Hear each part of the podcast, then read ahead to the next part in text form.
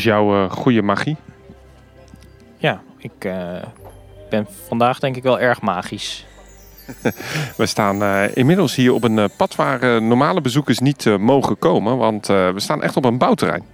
Ja, klopt. We hebben vandaag een mooie rondleiding gekregen. ja, zeg maar achter de schermen op de bouwwerf van de uitbreiding van Avalon in Toverland. Ik sta hier naast uh, Jurnan Schilder, natuurlijk bekend van ons uh, populaire YouTube-kanaal Theme Park Science. Uh, we hebben vandaag ook een special online gezet over Aquabella Torres. Gaan we het zo even kort over hebben. En ja, live vanaf het bouwterrein geven wij even een, een update over wat hier gaande is. En ik heb nog iets heel erg leuks aan het einde van de podcast, want wij gaan samen nog iets doen in België met een festival. Ja, klopt. We hebben een fantastisch gastoptreden op Nerdland. Dat is een heel groot populair wetenschappelijk festival. Ja, en daar komt een Team Park Science live gastoptreden. Waarin we ja, gaan uitleggen wat nou de, de, de limieten zijn aan de achtbaantechniek. Ja, en uh, volgens mij niet alleen maar aan de techniek, ook nog een aantal andere elementen. We gaan daar dadelijk ook even over praten met, uh, met Hetty. En Hetty is bekend van de podcast Nerdland. Vooral onze Vlaamse luisteraars zullen Hetty goed kennen. En dan ehm, doen we dat nog even aan het einde van de podcast. Dus we gaan een stukje Toverland doen en een stukje Nerdland Festival. Terwijl wij hier om ons heen kijken. In het, eigenlijk inmiddels komt de zon een beetje op. Het wordt warm. Mensen zitten lekker in Merlin's Quest te kijken. Waarom wij allemaal rondom drie sprieten beton zitten te kijken. Uh, maar voordat wij verder gaan, uh, eerst even een dankwoord aan onze sponsor. En dat is natuurlijk Everest Music. Voor, ja, die, die regelt onze muziek natuurlijk. En uh, dankzij hem kunnen wij ook deze podcast online zetten. Jonan, is dat voor jou nog bijzonder op zo'n bouwplaats? Want jij, jij, jij komt ook toch wel als, als werktuigbouwkundige, als professor van de achtbanen, uh, kom jij nog wel eens op een bouwplaats? Ja, dat klopt. Maar dat is toch altijd leuk. Uh, het is leuk om te zien alle vakmensen aan het werk. Hè. Er, wordt, er wordt gelast, er wordt met spuitbeton gewerkt, elektriciteit wordt aangesloten. En ehm, ja, dat is eigenlijk altijd toch wel een, leuk om even te zien. En om even door de blubber te lopen en om even het verhaal van de ontwerpers en de architecten te horen. Dus uh, ja, dat verveelt nooit. Zeer uitgebreide rondleiding die we hebben in Avalon 2.0. En het valt eigenlijk op hoe veel ze doen. Hè. Niet alleen het nieuwe stuk op de oude vijver. Maar we lopen nu op het pad eigenlijk tussen Merlin's Quest richting de taverne de Flaming Feather. Eigenlijk op dat terras wat... Uh, de, de, echte luisteraars van Team Park weten dat dat een van mijn favoriete plekjes is en was. Misschien nog steeds blijft. Hier in Toverland. En... Um, hier zijn ze bezig met een soort, ja, de, de, de, allemaal huisjes. Het is een beetje uh, experience design. Eigenlijk wat ze hier gaan doen is gewoon het, het, het verblijfstijd in Avalon rekken. En in die huisjes zijn ook allemaal interactieve dingen. En er wordt ook het verhaal uitgelegd. En een leuk weetje wat we net hoorden van Peter van Holstein, hoofdontwerp van Toverland, is dat de draak die bovenop Dragon Watch staat ook nog eens een keer te zien is. Hier dus langs het pad. En dat wordt interactief en dat gaat waarschijnlijk sneeuw spuiten. Dat wordt dus de draak Morgana. Ja, er, wordt veel geïnvesteerd in thematisatie. Ja, inderdaad. En je noemde net al even het uh, oprekken van de verblijfsduur. En dat is eigenlijk het belangrijkste doel van deze uitbreiding. Ehm, je had eigenlijk maar twee echte attracties in dit gebied. En ehm, daardoor waren mensen relatief kort in het uh, gebied. Veel mensen bereikten het restaurant de Flaming Feather ook niet. Dus um, ja, Toverland heeft uh, samen met Pieter Cornelis, natuurlijk ook een vriend van de show, um, ja, over nagedacht hoe zullen we dit gaan uitbreiden. waar moeten de nieuwe attracties komen? Gaan we een nieuw gebied doen of dit uitbreiden? En ja, er is toch besloten om dan hier het gebied uit te breiden. Om ervoor te zorgen dat mensen langer blijven hangen in Avalon. En daarom ook de huisjes langs het pad, dat er lekker veel te zien is. Er worden veel details toegevoegd waar kinderen lang mee bezig gaan. En ehm, ja, zo de verblijfsduur van Toverland substantieel verlengen. En uh, ook als het gaat om die attracties, want uh, er komen wat voorshows, er komen wat extra dingen. Bijvoorbeeld, het is niet, we staan hier onderaan de voet van de Gerstlauer Skyfly. En daar, dat, dat is gethematiseerd als een Pixaris, dat is een, school waarin men leert toveren, leert vliegen. De, de, de Merlijn, die heeft hier een, eh, een, een school gebouwd. En uh, in die school is ook een voorshow te zien. Dus ook de, de, de belevenisduur van de attractie zelf, die zal wat omhoog gaan. En ja, niet echt een voorshow, maar wel een soort pre-seating show zal ook plaatsvinden op de Dragon Watch is inmiddels bekend geworden. En ook heel erg tof is dat ze ook aparte muziek gaan uh, spelen hier in, uh, in Avalon. Er komt een hele nieuwe muziekloop, behalve bij de Merlin's Quest en bij de Phoenix. Ja, en naast de muziek wordt er ook nog gewerkt aan een volledig nieuw lichtplan. Dus uh, Toverland houdt er nu ook rekening mee dat ook dit gebied uh, uiteindelijk jaar rond open zal gaan. Dus ook in de wat donkere dagen. Ehm, dus er wordt nu al een lichtplan gemaakt waarbij ehm, ja, de nieuwe attracties ook mooi uitgelicht zullen worden als het donker is. Wat natuurlijk uh, opvalt aan dit hele plan is dat uh, hier in dit gebied nu veel meer beweging gaat plaatsvinden. De bootjes van uh, Mullins Quest en ja, echt het, toegevoegde gedeelte achter bij de Flaming verder. En het, het, is echt een stuk groter het park geworden. Ze hebben echt de helft van de vijven opgespoten. En wat ze daar dus hebben gedaan is uiteindelijk dus een aantal attracties ook opgebouwd. En, en, en, en ja, nou is die Flaming verder echt het middelpunt geworden van uh, Avalon. En, en, ja, dat is commercieel natuurlijk ook zeer aantrekkelijk. Ik stel voor dat wij gewoon eens even nog gaan luisteren naar Peter van Holstein, die hier uh, ook rondloopt. Ik zal kijken of we hem zo nog wat vragen kunnen stellen. Voor mij is daar de tijd voor. Uh, gisteren waren we ook bij de opnames van de show Aquabella Torres. Uh, echt een hele toffe show hier op het, op, in Port Laguna. Een groot decor, 30 meter breed. 17 fonteinen, 32 watervallen, 10.000 liter water. Dat even in één keer naar beneden wordt gegooid. Dat is allemaal best indrukwekkende special effects. En die special kun je nu ook vinden op ons YouTube kanaal. Het is een report, dus een kortere video van 7 minuten. We gaan eens even kijken of we nog wat uh, facts kunnen halen hier zo uh, in het uh, gebied. Ja, ik sta naast ja, mede-podcaster tegenwoordig en nou, vriend van de show, Pieter Cornelis van de Pretpark podcast Pretpark Pro's. Hoe gaat het er mee? Nou, hartstikke leuk natuurlijk. Fijn om weer te zijn. En eens kijken hoe, de, hoe het in de praktijk wordt toegepast. Je hebt uh, niet alleen een podcast je natuurlijk. Je bent uh, ook uh, ja, docent in de, in de industrie. En je hebt natuurlijk ook, als mensen jouw podcast volgen, ook heel veel advies gegeven over hier aan Toverland. Een, een, een, advies was van jou ook hier om het wat vriendelijker te maken, wat kleurrijker. Klopt dat? Ja, het belangrijkste, wat eigenlijk, advies is eigenlijk dat de verblijfsduur in dit gebied omhoog moest omdat het te kort was, dat was misschien een minuut of twintig en als je naar de Maars kijkt, is het zeker twee keer zo lang, drie kwartier. En dat kwam door uh, de keuze van selectie, de selectie van de attracties, maar ook door de hele sfeer, de, de muziek, de, de entourage en het kleurrijke. Dat mist een beetje. Dus hier was je na 20 minuten was je wel klaar. Je had de Merlin's Quest gedaan of je had de Phoenix gedaan en dan liep je terug. Want er was eigenlijk geen reden om hier wat langer te blijven dan dat. Dus leek het uh, heel belangrijk dat er wat meer sfeerbeleving in kwam. Wat, een beetje vrolijkheid in de muziek, in de kleuren. nou, en dat is is opgepakt. En daarmee uh, in combinatie met de, de ruitselectie moet dat leiden dat hier de verblijfsduur een stuk omhoog gaat. Is dat belangrijk, zo'n verblijfsduur in zo'n gebied? Waar, waarom is dat zo belangrijk om dat te verlengen in voor, voor zo'n park? Nou, verblijfsduur is een, echt een onderschat fenomeen in de pretparkenbranche. Maar het is, uh, uh, uiteindelijk is het, uh, als je naar het businessmodel van het pretpark kijkt, gaat het vooral over verblijfsduur. Want de verblijfsduur die bepaalt hoeveel geld wij willen uitgeven aan een park. Op twee manieren. Hoe langer ik in het park blijf, hoe meer ik uitgeef aan eten en drinken en merchandise en al dat soort zaken. Maar het heeft ook met de kwaliteit, uh, perceptie van het park in totaliteit te maken. Dus de, de, prijs die ik ervoor wil betalen. Als ik langer verblijf, ben ik ook bereid er langer voor te betalen. Wij rekenen vaak in, uh, noemen dan entertainment value. Wat kost één uurtje verblijf. Nou, als ik ergens uh, in Nederland een uurtje verblijf, ben ik ongeveer 6 euro kwijt aan, per uur. Dus als ik een park heb waar ik 6 uur kan verblijven, dan mag de ticketprijs 36 euro zijn. En dan voelt dat voor mensen als een goede prijs-kwaliteit verhouding. Dus als je er een half uur aan toe kunt voegen, dat betekent eigenlijk dat je gewoon 3 euro aan je ticketprijs kunt toevoegen. En dan mensen denken, ja, dat is het al waard. En daarbovenop komt nog dat ze dan in dat half uur ook nog gaan eten en drinken en dat zaken. Dus het mes snijdt aan twee kanten. Ik zou denken, want we staan hier nu op de, het pad uh, waar een aantal ja, interactieve huisjes komen. Ja, dat kost natuurlijk hartstikke veel geld om te bouwen. Maar wat voegt dat toe aan zo'n park? Maar je zegt, dat, daar verblijven mensen langer door. Ja, en dus wordt de, de wordt hoger, de beleving wordt hoger. En die twee zijn heel sterk aan elkaar gekoppeld. Uh, we vinden het uh, gewoon een sfeervolle park. Uh, zijn uiteindelijk tevreden. En dat betekent dat we zelf sneller terug willen komen. Dus onze repeat visit, herhalingsbezoek wordt hoger. Maar ook de word of mouth. We gaan ook tegen anderen zeggen, hey, dat was gaaf jongen Toverland, daar moet je naartoe. Dus die verblijfsuur heeft een, ja, meerzijdig effect. Enerzijds de, in het, het bezoekersaantallen. Van jezelf en van vrienden en familie en zo. En anderzijds ook meteen in de financiën. Hoe is het eigenlijk om nu uh, jouw advies of een media-advies hier nu te zien ontstaan? Uh, want hoeveel jaar geleden was dat? Nou, we zijn, ik ben in 2010, 11 begonnen met Overland. Toen was de strategie, we gaan van een indoor pretpark voor kleine kinderen een all-weather themapark voor het hele gezin maken. En dat is eigenlijk alle investeringen van de afgelopen 10 jaar zijn daar voortdurend op gericht geweest.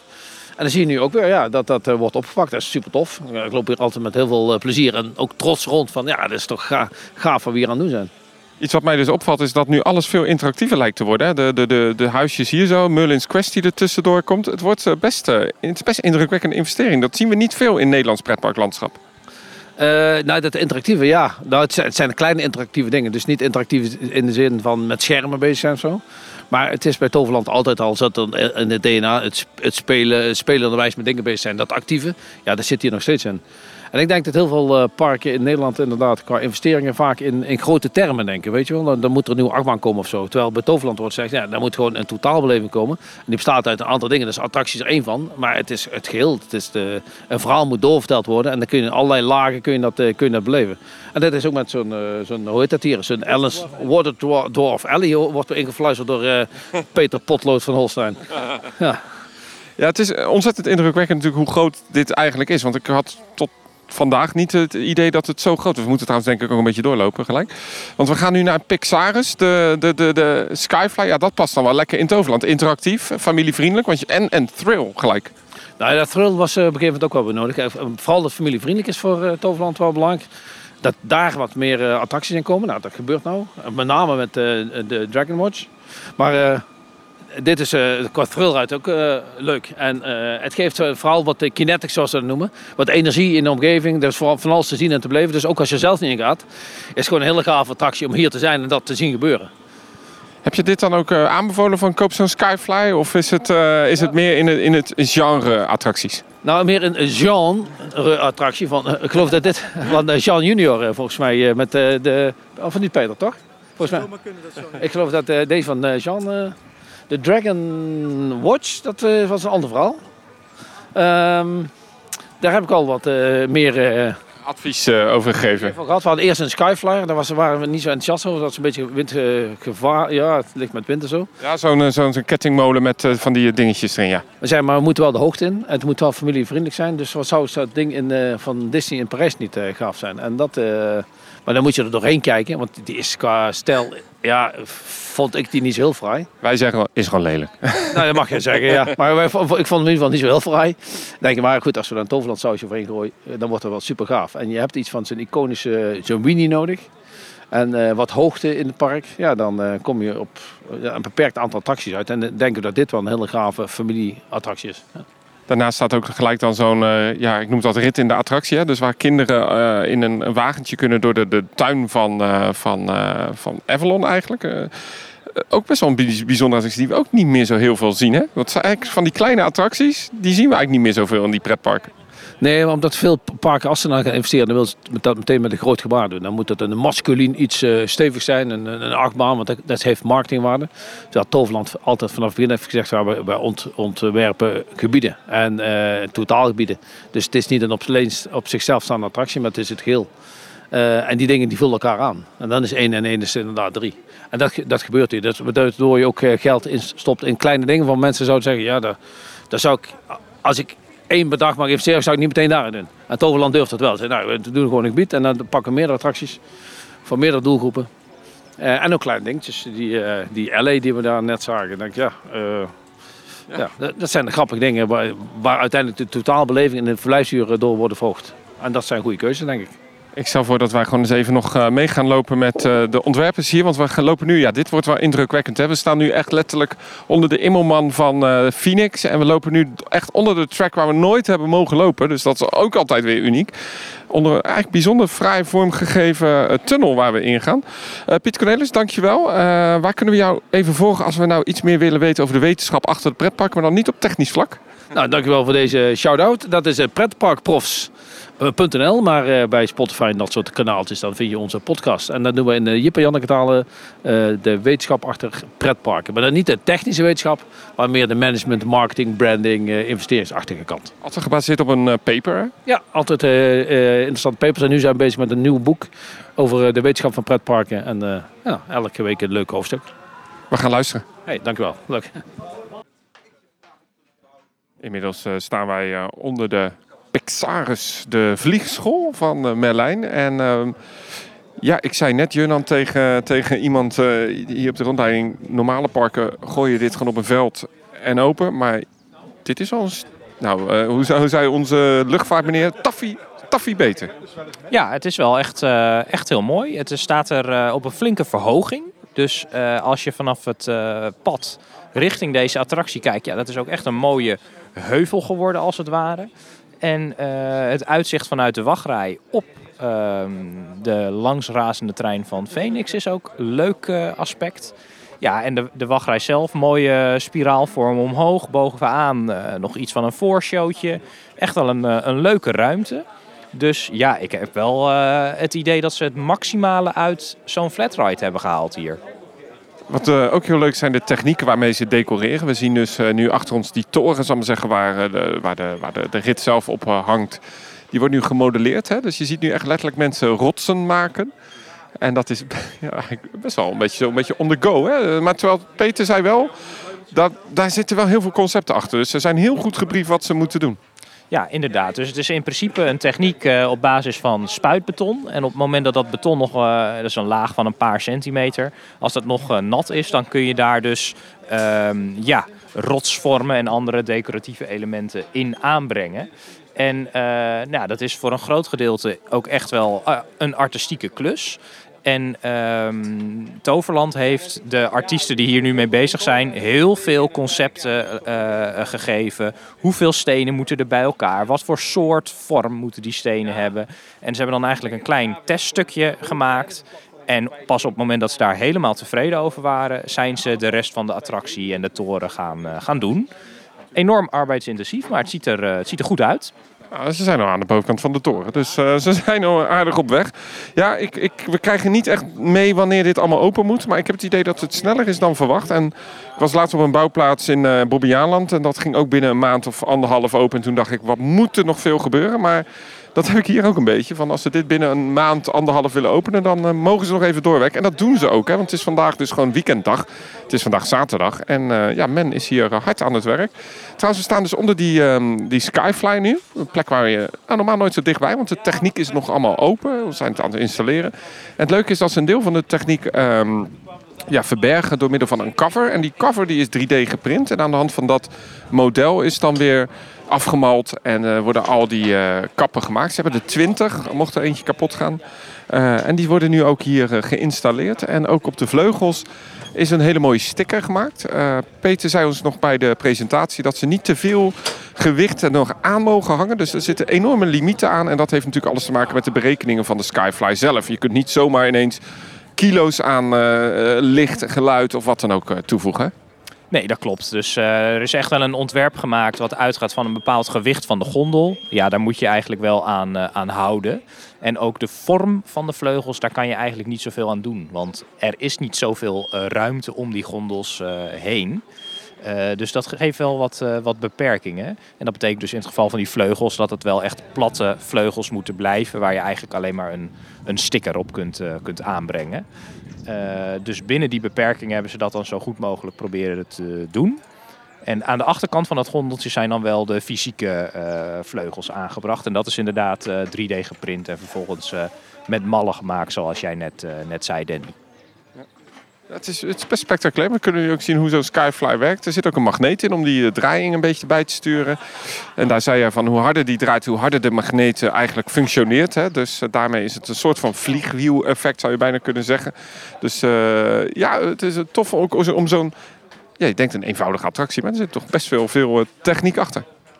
Ja, precies. Ja, dat magneetverhaal, daar moeten we eigenlijk nog eens een keer een hele aflevering van maken. Want dat kom je dus tegen in ook uh, magneetremmen, in hoe een uh, freefall toren remt.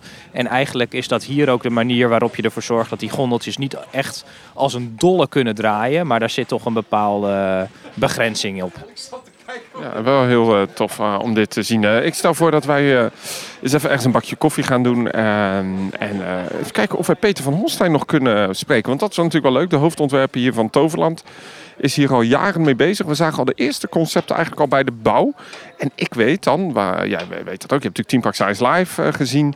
En daar waren ook al de eerste concepten van Avalon. Waarin dus ja, wel wat keuzes alweer zijn veranderd natuurlijk. Maar ook daar stond altijd al zo'n freefall uh, toren. Daar waren ze ook heel open in. Het was altijd een, een tower idee van Hus of een, een schuine freefall. Uh, dat wilden ze bouwen. En ik zei in de presentatie van, goh, waarom heb je dan die Intamin eh, gekocht, hè, die, eh, die um, parachutetoren. Maar toen zei ze nee, dat is nooit een vervanging geweest daarvoor. Uh, we wilden gewoon een thrill ride. En dat is dus die Gasflow Skyfly geworden. Dus eigenlijk is die freefall vervangen door de Skyfly. En uh, zei Pieter Cornelis net ook eigenlijk van... Ja, die Intamin uh, Parachute Drop Tower... die is juist gemaakt ook om een familie aan te spreken. En ook van het uitzicht te genieten. En toch nog wel iets van kriebeltjes te geven in, in de buik. om het toch wat spectaculairder te maken. En wat Peter ook zei is dat het helemaal gecentreerd zit... als je park binnenkomt. Dus het is, uh, of uh, binnenkomt. Dus hij bevindt zich echt onder de Zero G-stal als je binnenkomt. Of de, de Bunny Hop zelfs. Dus ja, daar is wel over nagedacht. Ja, dus die zichtlijnen, dat is wel iets waarin het ontwerp heel veel rekening mee, mee is gehouden. En dan inderdaad, die, uh, die, die parachute-toren is echt een grote familieattractie. Daar kan bijna iedereen in. Dus daar wil je ook wel een eye-catcher van maken. En uh, de wachtrij is daar ook wel op ingericht dat ze verwachten dat dat uh, een hele brede doelgroep gaat, gaat aanspreken. Ik stel voor dat wij Peter eens gaan opzoeken zo staan. Uh, nou, we lopen inmiddels naar Port Laguna, de, het grandioze entreeplein natuurlijk van, uh, of ja, entreegebied zou je bijna kunnen zeggen van Toverland. En ik loop naast uh, Peter, Peter van Holstein, hoofd senior designer van Toverland. Hoi, goedemorgen. Middag inmiddels. Ja, het was een flinke tour die we hebben doen. Maar je hebt hem ook aardig uitgebreid ontworpen, alles hier zo. Met wandelpaden en je hebt er wel wat weggegaan. Ja, ja, ja. ja het, is, het is een verblijfsgebied hè, en dat wordt het alleen maar meer nu. Dus de hele insteek van de uitbreiding is ook om die verblijfsduur, uh, om die uh, fors te vergroten. En uh, ja, dat doe je door middel van attracties, kijkwaarden, speelplaatsen en ook gewoon lekker wandelen en slenteren. Wat is de kracht van Avalon voor jou? Oeh, de kracht van Avalon. Jeetje, dat is een goede vraag. Ja, dat is voor ieder persoonlijk natuurlijk, maar ik denk dat het een welkome afwisseling is op de andere gebieden. En uh, dat het best wel een volwassen gebied is. Uh, maar dat we hem wel breder gaan trekken, zodat hij ook voor de hele familie leuk is. Want dat merk je nu natuurlijk wel. Hè. Het was wel een gebiedje als je uh, een doorsnee gezinnetje bent met jonge kinderen en je slaat Phoenix over. Dan was er eigenlijk niet zo heel veel te doen, dat wisten we ook. Dus dat was ook de reden van deze uitbreiding om dat, ja, gat zeg maar, op te vullen. En te zorgen dat iedereen zich hier wat langer kan vermaken. Iets om de mensen naar binnen te lokken is de, is de immense ja, Intamin Parachute Tower. Dragon Watch. En hij staat hier ook perfect in het midden. We lopen toevallig nu net langs dat plekje. Heb je dat bewust zo bedacht? Ja, zeker. Dus die, uh, je hebt dan, uh, op de heenweg gaat Phoenix over een uh, airtime heuvel. En op de terugweg door een zero G-roll. En die vormen samen eigenlijk een hele mooie boog over het water. En ik heb altijd wel gedacht van ja, daar moeten we iets aan de oever plaatsen. En ooit is daar gesproken over een hotel. Um, en nu is daar Dragon Watch op die plek terechtgekomen. En perfect in het midden uitgelijnd, heel bewust. Ja. Als we kijken naar uh, uh, jullie ontwikkeling in Avalon, eigenlijk heb je altijd al rekening gehouden dat er nog een aantal toevoegingen zouden komen. Hè? Want uh, een van mijn voormalige kritiekpunten was dat in de Helix zou je nog wat moois kunnen bouwen, maar eigenlijk wist je dat al heel lang. Nou, sterker nog, het was oorspronkelijk het plan om daar een, een kleinere droptoren weg te zetten. Hebben we toen niet kunnen realiseren en wel altijd de wens gehad om op die plek iets te bouwen. En nu is het moment daar in de vorm van Pixaris. Is dat eigenlijk voor jou ingewikkeld om zo'n Gas Lauwe Skyfly op zo'n helix te plaatsen? Of ertussen, hoe, hoe gaat zo'n proces? Ja, dat is een hele puzzel geweest, want uh, het komt nogal nauw. We wisten natuurlijk, als we iets op die plek willen realiseren, moeten we niet de breedte ingaan, want die hebben we niet. We moeten de hoogte in. Maar ja, zie het maar eens passen te krijgen. En het is niet alleen die attractie, maar ook de hele infrastructuur eromheen. Hè. Dus toegankelijkheid voor uh, nou, al onze gasten. Je moet erin, ze moeten eruit. je hebt ook nog een aanzienlijke wachtrij nodig. Uh, je wil ook nog wat overdekt wachten aanbieden. Je hebt je techniek nodig, je hele showcontrole en aansturing van, van effecten. Uh, en natuurlijk de attractie zelf. En dat moet allemaal passen op een hele kleine oppervlakte. Dus we hebben daar wel uh, heel uitgebreid mee gepuzzeld om dat allemaal kloppend te krijgen. Moet je veel aanpassingen doen dan in zo'n ontwerp als je dat van, van het concept naar realiteit? Of hoe vaak moet je zoiets dan qua ruimteprofiel aanpassen? Ja, op een gegeven moment weet je die kaders wel en dan blijf je dan binnen. En daarbinnen probeer je er alles in te krijgen. En dan uh, enerzijds functioneel. En anderzijds moet het er mooi uitzien en passen binnen Avalon. Dus uh, ja, die, die combinatie probeer je dan steeds te maken. En ja, dat is een heel dynamisch proces. En ja, dat is veel puzzelen en veel uitproberen en 3D-modellen en sketches. En... 20 centimeter zei je? Op het smalste stuk heb ik begrepen van mijn collega Robert. Uh, is het de ruimte tussen de wachtrij, of de, eigenlijk een soort van vrij ruimprofiel van de wachtrij. En uh, het vrij ruimprofiel van Phoenix 20 centimeter. Ja. Dat, dat, ah, nou ja, dan, dan heb je zo'n wingcoast natuurlijk wel optimaal benut. Ja, nou ja, goed. En dan wordt het ook veel spectaculairder. Want je, ik vind het zo mooi van Phoenix dat je uh, nu al ervaart dat hij over en onder je doorgaat. En straks in de wachtrij van Pixaris ga je dat nog veel intensiever ervaren. En dan komt hij echt vlak langs je heen geraast als het ware. En dat, ja, dat wordt wel een hele toffe ervaring. Iets wat je ook hebt gedaan is de Skyfly vrij uitgebreid aangekleed. Aan welke limieten kom je dan terecht? Nou ja, je moet aan allerlei voorwaarden voldoen. Je kunt er geen extra gewicht aan hangen. Nauwelijks extra gewicht. En ook de ruimte die je hebt om bijvoorbeeld een achtervleugel te maken die is ook heel beperkt. Dus daar hebben we ook heel lang mee uh, gestoeid en uh, geschaald op en neer om, uh, om dat passend te krijgen. En uiteindelijk is dat ook gelukt. Maar het was wel een van de moeilijkere opgaves, ja, om daar van zo'n bonk staal, om daar toch iets unieks van te maken voor Toverland. Jullie doen normaal ook heel veel met klein, nu hebben jullie ook met 3D-prints gewerkt. Kan je daar iets meer over vertellen? Nou ja, we hebben in, in het verleden maakte je een tekening. En die tekening die werd dan door een modelleur zeg maar, in klei vervaardigd, of ja, tot een 3D-model vervaardigd. En dat werd dan volgens afgemald. En uh, nu hebben we dat nog een aantal keren moeten doen. Of we hebben voor die, voor die, zijn voor die techniek gegaan. Maar ook een aantal keren hebben we in ZBrush, een 3D-modelleerprogramma, een figuurtje in 3D uitgewerkt. Dus bijvoorbeeld de achterkant van de, de voertuigen van uh, Pixaris. Maar ook houtsnijwerkfiguren in de toverklok. En die zijn dus digitaal gemodelleerd en vervolgens 3D geprint. En er is ook nog een derde stap eigenlijk die we gemaakt hebben. Dat is uh, tekeningen maken, vervolgens een 3D-model. Dat model, uh, modelletje geprint op schaal. En dat schaalmodel is zeg maar het referentie, uh, de referentie geworden voor de shaper die hem dan in het groot alsnog uit klei maakt. En uh, jullie hebben ook die, die, die vleugels zelf bestickerd. Uh, ik vond een leuke anekdote in de presentatie is dat je zei, ja, dat moest allemaal toch wel vrij snel uh, gedaan. Dus je hebt avonden doorgewerkt om daar nog de juiste vibe te krijgen ook. Nou ja, je wil bepaalde kwaliteit leveren en er moet een bepaalde resolutie zijn en allerlei eisen voldoen. Maar het moet er vooral mooi uitzien en, en passen binnen, binnen ja, hetgeen wat ik bedacht heb. En ja, met heel veel dingen is het allemaal toch wel snel snel, ja. Want uh, je hebt een hele waslijst aan allerlei uh, klusjes die gedaan moeten worden. En dan probeer je elke dag weer prioriteit aan te geven. En uh, ja, dan op een gegeven moment schuif je die vleugel een paar keer voor je uit totdat je niet meer kan. En dan moet je hem heel snel tekenen. En dat is toen ook gebeurd tot, tot in de late uurtjes, ja. Iets wat jullie hebben aangepast eigenlijk in deze Avalon 2.0 zou je kunnen zeggen is dat het wat meer vrolijker is geworden. Waarom is die keuze gemaakt om het wat meer kleur te brengen? Nou, heel bewust eigenlijk uh, op verzoek van de directie. Het, ja, kijk, toen ik Avalon ontwierp, was het wel echt een tegenpool van Port Laguna. En Port Laguna blijft ten alle tijde uh, het kleurrijke mediterrane havenstadje in, in Port Laguna. En had het wel wat minder. er zat natuurlijk wel kleur in, laten we het niet vergeten. Hè. We hebben blauwe dakpannetjes, de boothouse is beschilderd met um, ja, een beetje azuurgroen-blauwe tinten. Um, dus er zat e-, wel degelijk kleur in, alleen het was wat meer bescheiden allemaal. En de opmerking was nu wel van we willen en meer levendigheid in, in het gebied door middel van meer attractiewaarde en, en beleving.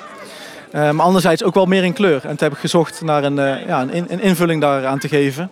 Toen heb ik gedacht van ja, waar staan we nou in de tijd van Avalon, in de tijdlijn? En denk ja, uh, Morgana is verslagen. Ze zit opgesloten in de kerkers. Dus uh, ze hebben iets te vieren in dit gebied. En als er iets te vieren is, dan moet je dat op zijn middeleeuws doen. Door vaandels op te hangen en, en vrolijke kleuren toe te passen. Maar dan wel gedoseerd, zodat het ja, past binnen de setting van Avalon. Dat het geen tweede Port Laguna wordt, maar dat het wel ja, voldoet aan de wens vanuit de directie. En dat het ook past zeg maar, in het gebied en het ja, niet, niet botst. We gaan heel veel uh, vaandels zien. We gaan, uh, het park is letterlijk groter geworden. We gaan heel veel bomen, natuur zien. Uh, ook een aantal bijzondere ja, belevenisornamenten. Kan je daar iets meer over vertellen? Bijvoorbeeld die klokkentoren. We krijgen een interactieve, nou geen interactieve, we krijgen een show die, uh, die we regelmatig gaan afspelen uh, als, het, uh, als het, nou, de klok slaat, zeg maar. En dan komt er van een tafereeltje tot leven van een paar minuten met bewegende figuren ondersteund door muziek. Maar we hebben bijvoorbeeld ook Water Dwarf Alley, dus echt een straatje met kijktafereeltjes waar de bewoners eigenlijk van Avalon, dat zijn de, de waterdwergen, de Water Dwarfs, ja, hun huisje hebben en hun werkzaamheden verrichten en allerlei bijzondere zaken hebben opgeslagen of verzameld. En daar kunnen we naar kijken en bewonderen en dan kunnen we ook zaken eh, in beweging zetten bijvoorbeeld. Dus we hebben daar ook eh, mogelijkheid tot interactie. Klinkt allemaal best goed. We gaan jou eh, weer, want ja, we zijn hier midden op de persrondleiding, we gaan weer verder.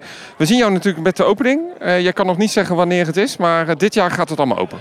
Dat is toch wel echt te streven dit jaar, ja. Waar kijk je het meeste naar uit? Laatste vraag.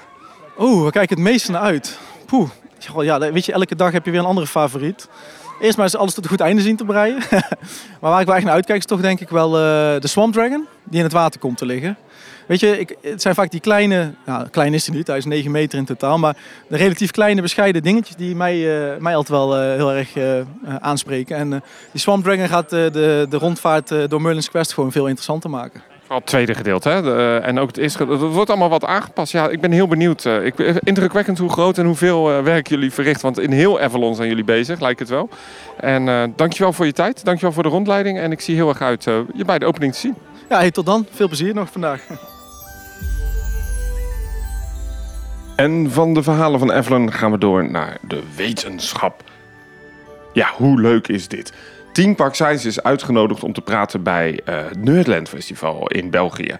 26, 27 en 28 mei uh, is er een groot wetenschappelijk festival. En wij zijn door de podcast Nerdland uitgenodigd om dus een college te geven. Een keynote speaking of hoe noem je het? Een, een talk.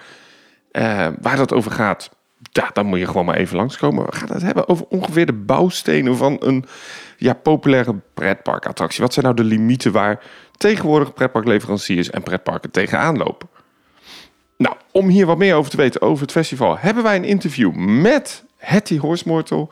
Uh, zij is de co-host ook van de podcast. Samen met Lieven Scheren uh, presenteert zij die populaire wetenschappelijke podcast. En wat tof dat wij dus onderdeeltje mogen zijn van dat hele festival.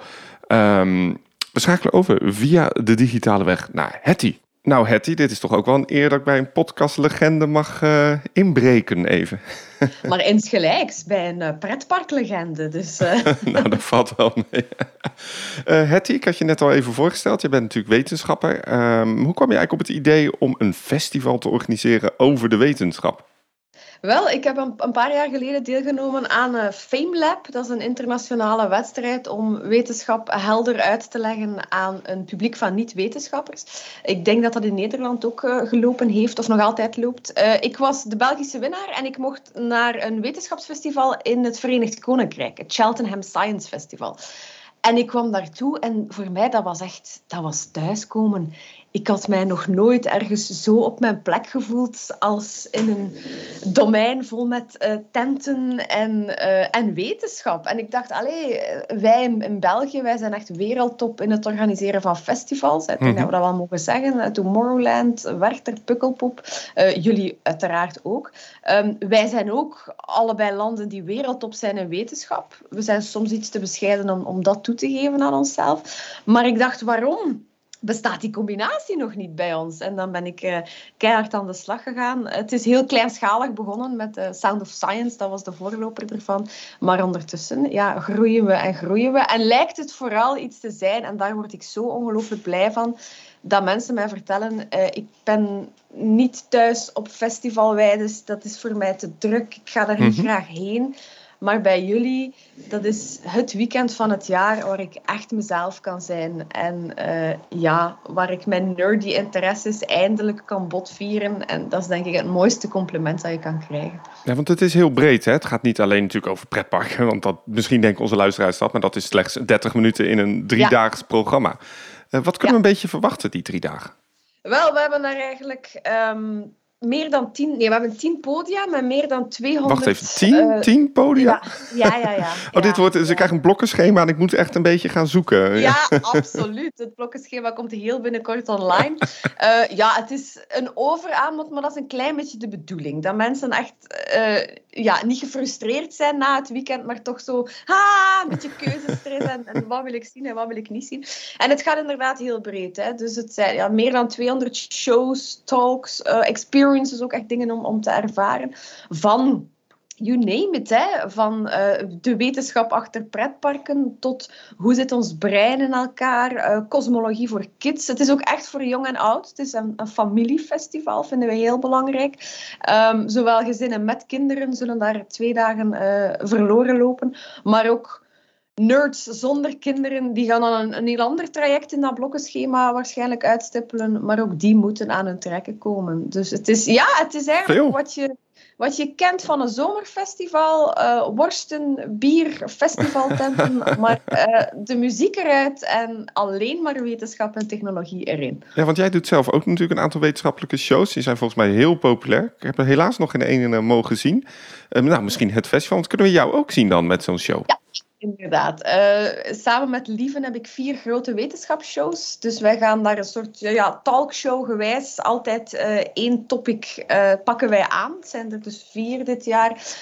rond brein, rond buitenaards, dat kan van alles zijn. Rond parasieten en rond cyborg. Maar Want... cyborg kan ook heel breed zijn. Gewoon technologie om de mens te verbeteren of te helpen. Hè.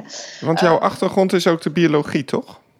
Ja, tuurlijk, absoluut. En dat is zo wat we, wat we heel graag opzoeken, zowel in die grote shows als over het hele festival. Dat zijn de snijpunten tussen, tussen allerlei wetenschappen. En ook tussen wetenschap en uh, populaire dingen. En ik denk dat jullie daar echt keihard middenin vallen. Dat is, ja... Maar nee, maar dat is waar. En, en dat is waar wat mensen die misschien in eerste instantie niet echt van wetenschap houden, of denken niet van wetenschap te houden, die op die manier een ingang vinden in die wereld. En dat is ja, hoe wij wetenschap en technologie zo helder mogelijk bij een zo breed mogelijk publiek willen brengen. Is dat ook iets wat nodig is op dit moment? Want wij merken met ons kanaal heel erg dat die parken waar ze vijf jaar geleden zeiden van alles is magie, alles is onstage, willen niks vertellen over die wetenschap. Maar nu is het juist heel erg nodig, omdat natuurlijk die parken zeggen van ja, we hebben geen technisch personeel meer. Of uh, de mensen in de, in die, die, die dingen ontwikkelen, ja, die zijn steeds schaars, uh, schaarder geworden. Is dat bij jullie ook? Maar exact, ik denk dat dat de nagel op de kop is. En ik vind het gek dat het aan mij ook blijkbaar in de pretparksector zo is. Maar dat is ja, in heel wat sectoren hier in Vlaanderen en waarschijnlijk bij jullie ook. Dat echt dat technisch personeel daar, goh, daar azen ze op tot en met. Hè. Dat is zo moeilijk te vinden. Bedrijven zijn bereid om heel ver te gaan in, in ja, recrutering. Um, bij ons, ja, we hebben heel wat partners ook. Anders kan je zo'n festival uiteraard niet organiseren. Um, die zijn daar ook aanwezig, maar die, ja, we, we, pushen die altijd wel naar zorg dat het geen pure bedrijfsreclame is. Met ballonnen en stilo's uit te delen, ja, dan ga je er niet mee komen. Maar zorg dat dat ook een experience is. Um, dus ja, en vooral ook, ja, we merken dat ook het grote publiek. Um, Goh, ik hou ook wel van magie hoor. Ik ga, dat, ik ga daar heel eerlijk in zijn. Maar um, ja, ook dat publiek um, merken wij. Ja, wij wisten niet waar dat, dat ging uitkomen. Hè. Toen we daar vijf jaar geleden mee begonnen, bleek dat een gat in de markt te zijn waar mensen echt heel graag naartoe komen en naar op zoek zijn. Dus ook zij zijn, denk ik, op zoek naar, ja, noem het misschien een stuk houvast in een wereld die, die steeds complexer wordt. En uh, ja, het werkt gewoon. Er zijn uh, ontzettend veel shows. Kan je een aantal insiders tips geven waarvan je denkt van nou, daar zou ik echt heen gaan? Want uh, ik snap jouw vier shows, ga ik natuurlijk allemaal zien, maar... Uh... Wel, het is heel grappig, want deze vraag wordt ons ook altijd gesteld in de, de, de grote Vlaamse media als Lieve Scherre of ik daar op bezoek zijn. En jullie show, die, die steken nee, wij er toch nee, altijd bij. Jawel, Hou jawel, op. jawel. Hou op. Maar omdat het zo... Ik ben al zenuwachtig, Hetty. Ik ja, moet... ja oké, sorry. Maar... Nee, omdat het zo'n type voorbeeld is van van wat wij willen doen. Dat is iets populair uh, laten samensmelten met de wetenschap en met de technologie. Dus die vermeld ik sowieso altijd. Maar uh, uh, om een aantal Nederlanders te noemen, misschien Jelle Reumer komt over stadsfossielen praten.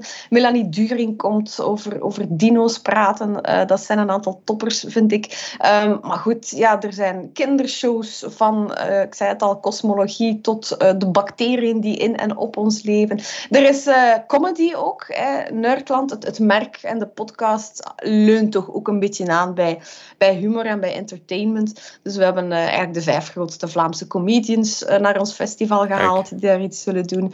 Onze eigen Nerdland podcast wordt daar opgenomen.